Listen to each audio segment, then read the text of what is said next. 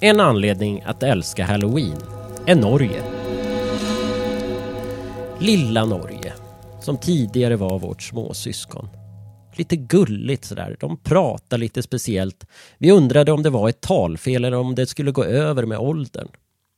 De var väldigt kristna och de älskade friluftsliv. Visst hade lilla gullungen en del kul egenskaper också. Oljetillgångar, vackra fjordar, black metal och Bergen.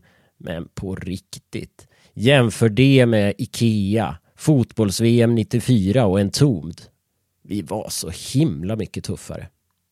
Men ja, ni hörde rätt. Jag sa var och jag sa att Norge tidigare var vårt småsyskon. Det som inte fick eller kunde hända, det har nu hänt. Norge har blivit både roligare och mycket tuffare än vi. Jag antar att startskottet var när Karl Ove Knausgård släppte Min kamp-sviten. Plötsligt vändes hela världens blickar mot Norge och vi stod där bredvid, leendes, för det var väl kul för dem. Men vi hade en gnagande känsla av obehag i bröstet.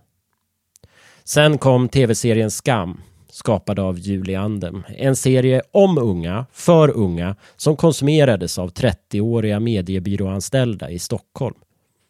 Plötsligt hade NRK lyckats med det omöjliga. De hade producerat en serie om ungdomar som inte var cringy för mediebyråanställda i Stockholm. Till råga på allt, efter höstens kulturdebatt som handlat om att alla, även stockholmarna själva, hatar Stockholm blir det ju extra tydligt. Sverige är förlorat. Jag kan liksom inte svära på att jag har rätt, men jag har fått en känsla av att det är i Norge det händer. Ja, jag har en känsla. Låt mig ha en känsla. Vad kräver ni av mig? Podden kommer ut varje dag. Men den här podden handlar ju om skräck, så låt oss nu fokusera på det. På Netflix finns nu två olika norska skräckserier som ytterligare spär på min känsla. En av dem är Postmortem, Ingen dör i Skarnes, som är en underbar vampyrhistoria som utspelar sig i en norsk småstad. Serien hade premiär i slutet av augusti i år. En kvinna hittas död på en åker.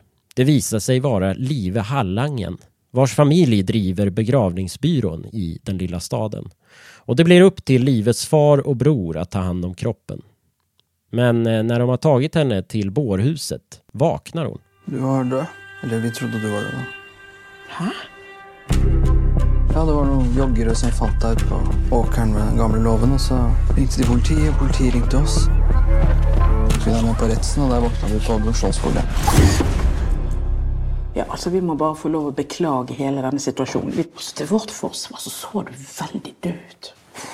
Serien är lågmält och ömsint berättad och mörkt humoristisk. Bihistorien om Lives bror Odd som tar över familjeföretaget är fin i sig. Begravningsbyrån går nämligen på knäna på grund av allt lägre dödstal i Skarnes. Det som kanske framförallt sticker ut är Liv och Odds syskonrelation som är underbart skildrad med trovärdiga skådespelarinsatser från både Katrin Torborg Johansen och Elias Holmen Sörensen. Serien är regisserad av Petter Holmsen och Harald Svart. Den senare är känd i skräckkretsar som producenten för skräckkomedin Död snö och i resten av världen för Karate Kid-remaken från 2010 bland annat. Jag tycker mig i den här serien kunna skönja samma diskbänksrealism som John Ajvide Lindqvist har gjort sig känd för i sina böcker. Kanske framförallt i Låt rätte komma in från 2004. Det vi i Sverige kunde åstadkomma då gör Norge idag med bravur. Den andra norska Netflix-serien jag vill lyfta fram är Blood Ride, eller på norska Blotur, som hade premiär förra våren.